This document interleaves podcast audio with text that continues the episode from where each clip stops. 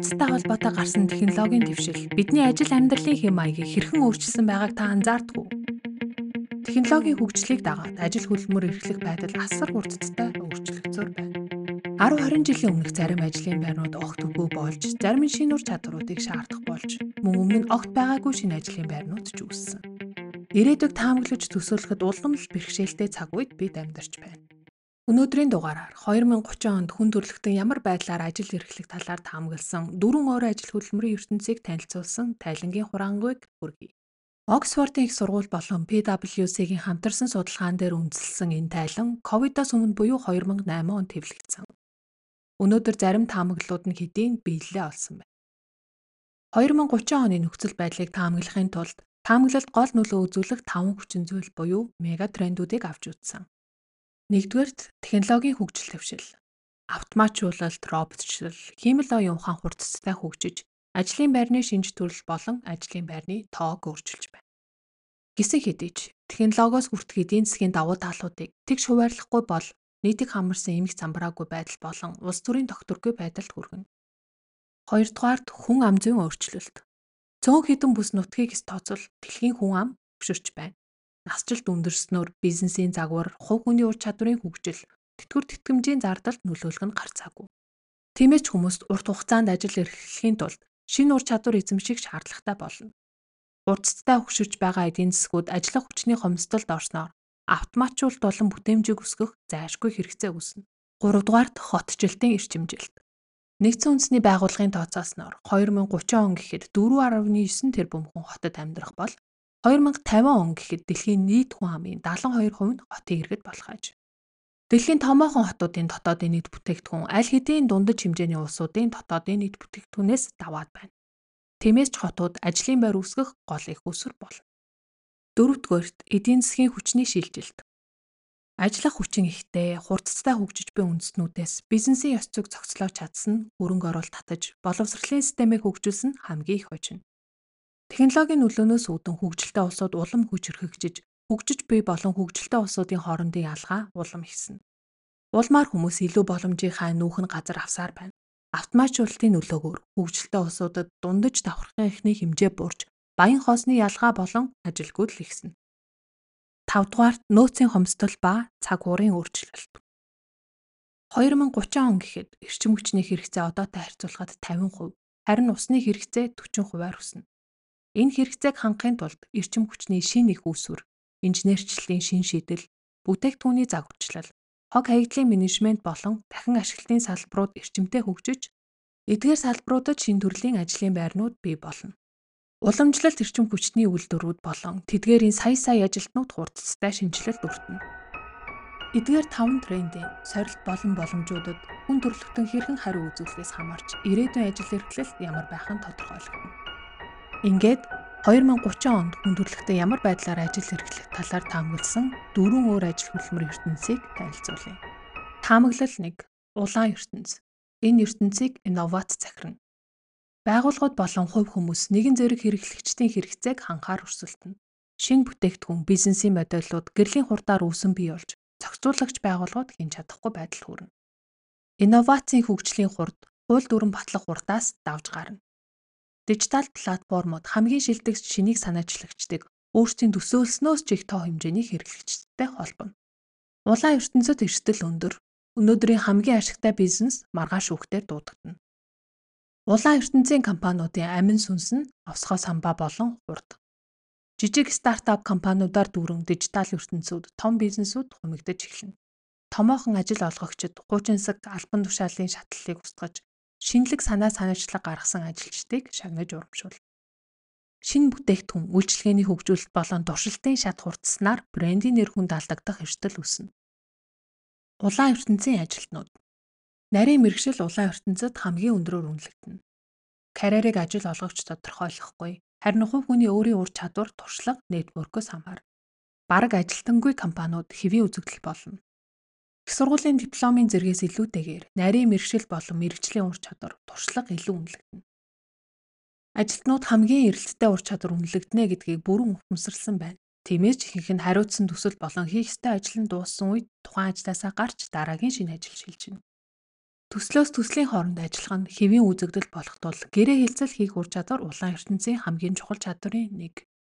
Хойны өмчийн эзэмшил болон эрх чөлөөтэй ажиллах боломж нь энэ ертөнцид санхүүгийн урамшуултай адил чухал тооцогдно. Таамаглал 2. Хөх ертөнц. Компаниудын хаант улс. Компаниуд улам томорсноор томоохон компаниудын капитализм нь энэ ертөнцийг захирах бол томоохон компаниудын нөлөө хэмжээ өсч зарим компаниуд улс орнуудаас ч илүү эрх мэдэлтэй болно.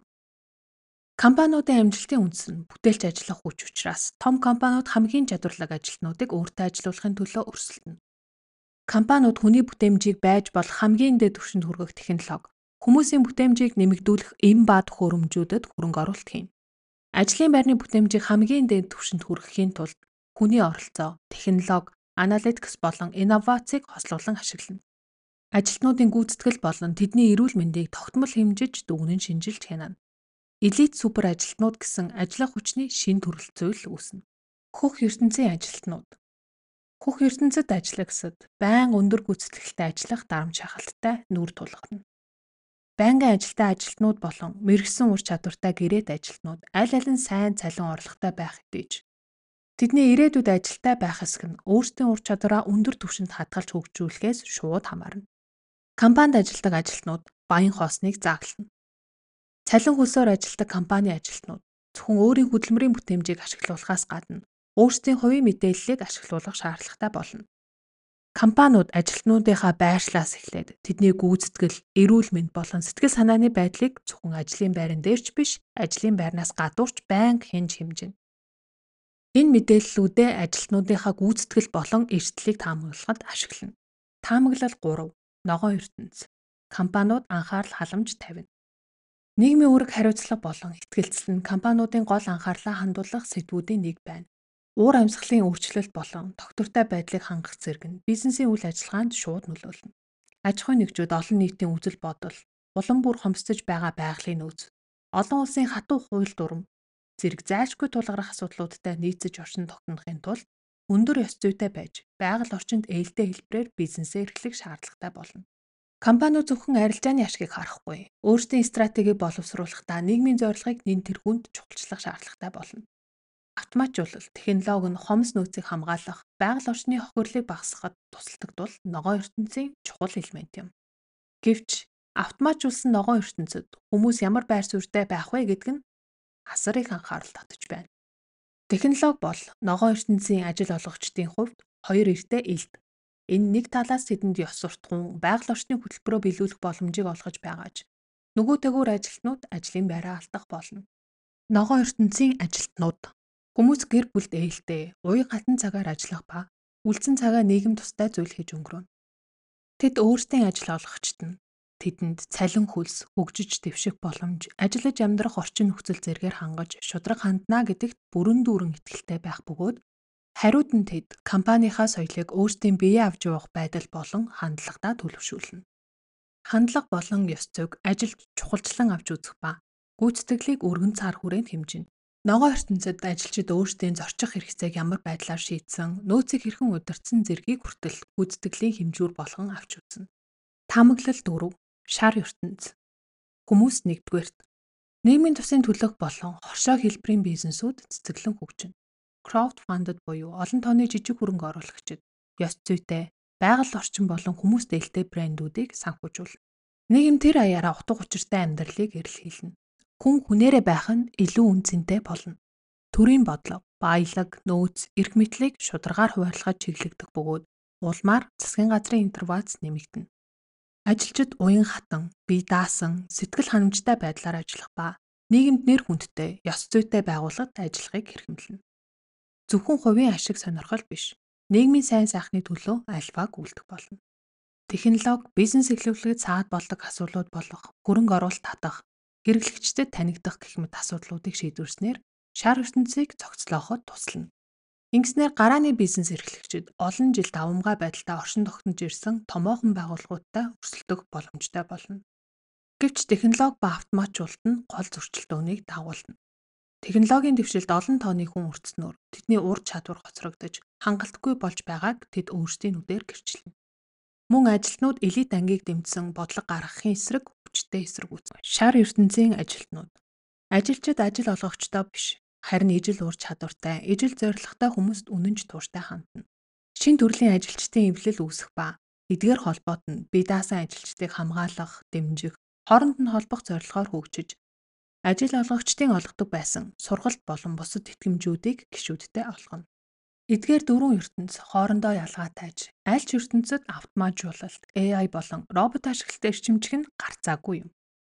Технологийн нөлөөгөөр ажлын байрны тодорхойлолт ангиллууд өөрчлөгдөж, дэлхийд даяар хүмүүс ажлаа алдахгүй хэмээн санаа зовж байгаа билээ. Тиймээс ч технологийн нөлөөнд автахгүй ур чадваруудыг эзэмших нь чухал болоод байна. Бүтээлч байх, шинийг санаачлах, төсөөлөн бодох, асуудал шийдэх, хамтын ажиллагаагаар хангах, удирдан манлайлах болон дасан зохицох чадвар ажил олгогчдын хувьд чухал ур чадваруудад тооцогдож байна. Энэхүү тайлангаар хувь хүмүүс дараах зөвлөгөөг хүргэсэн том зургаан ажиглал.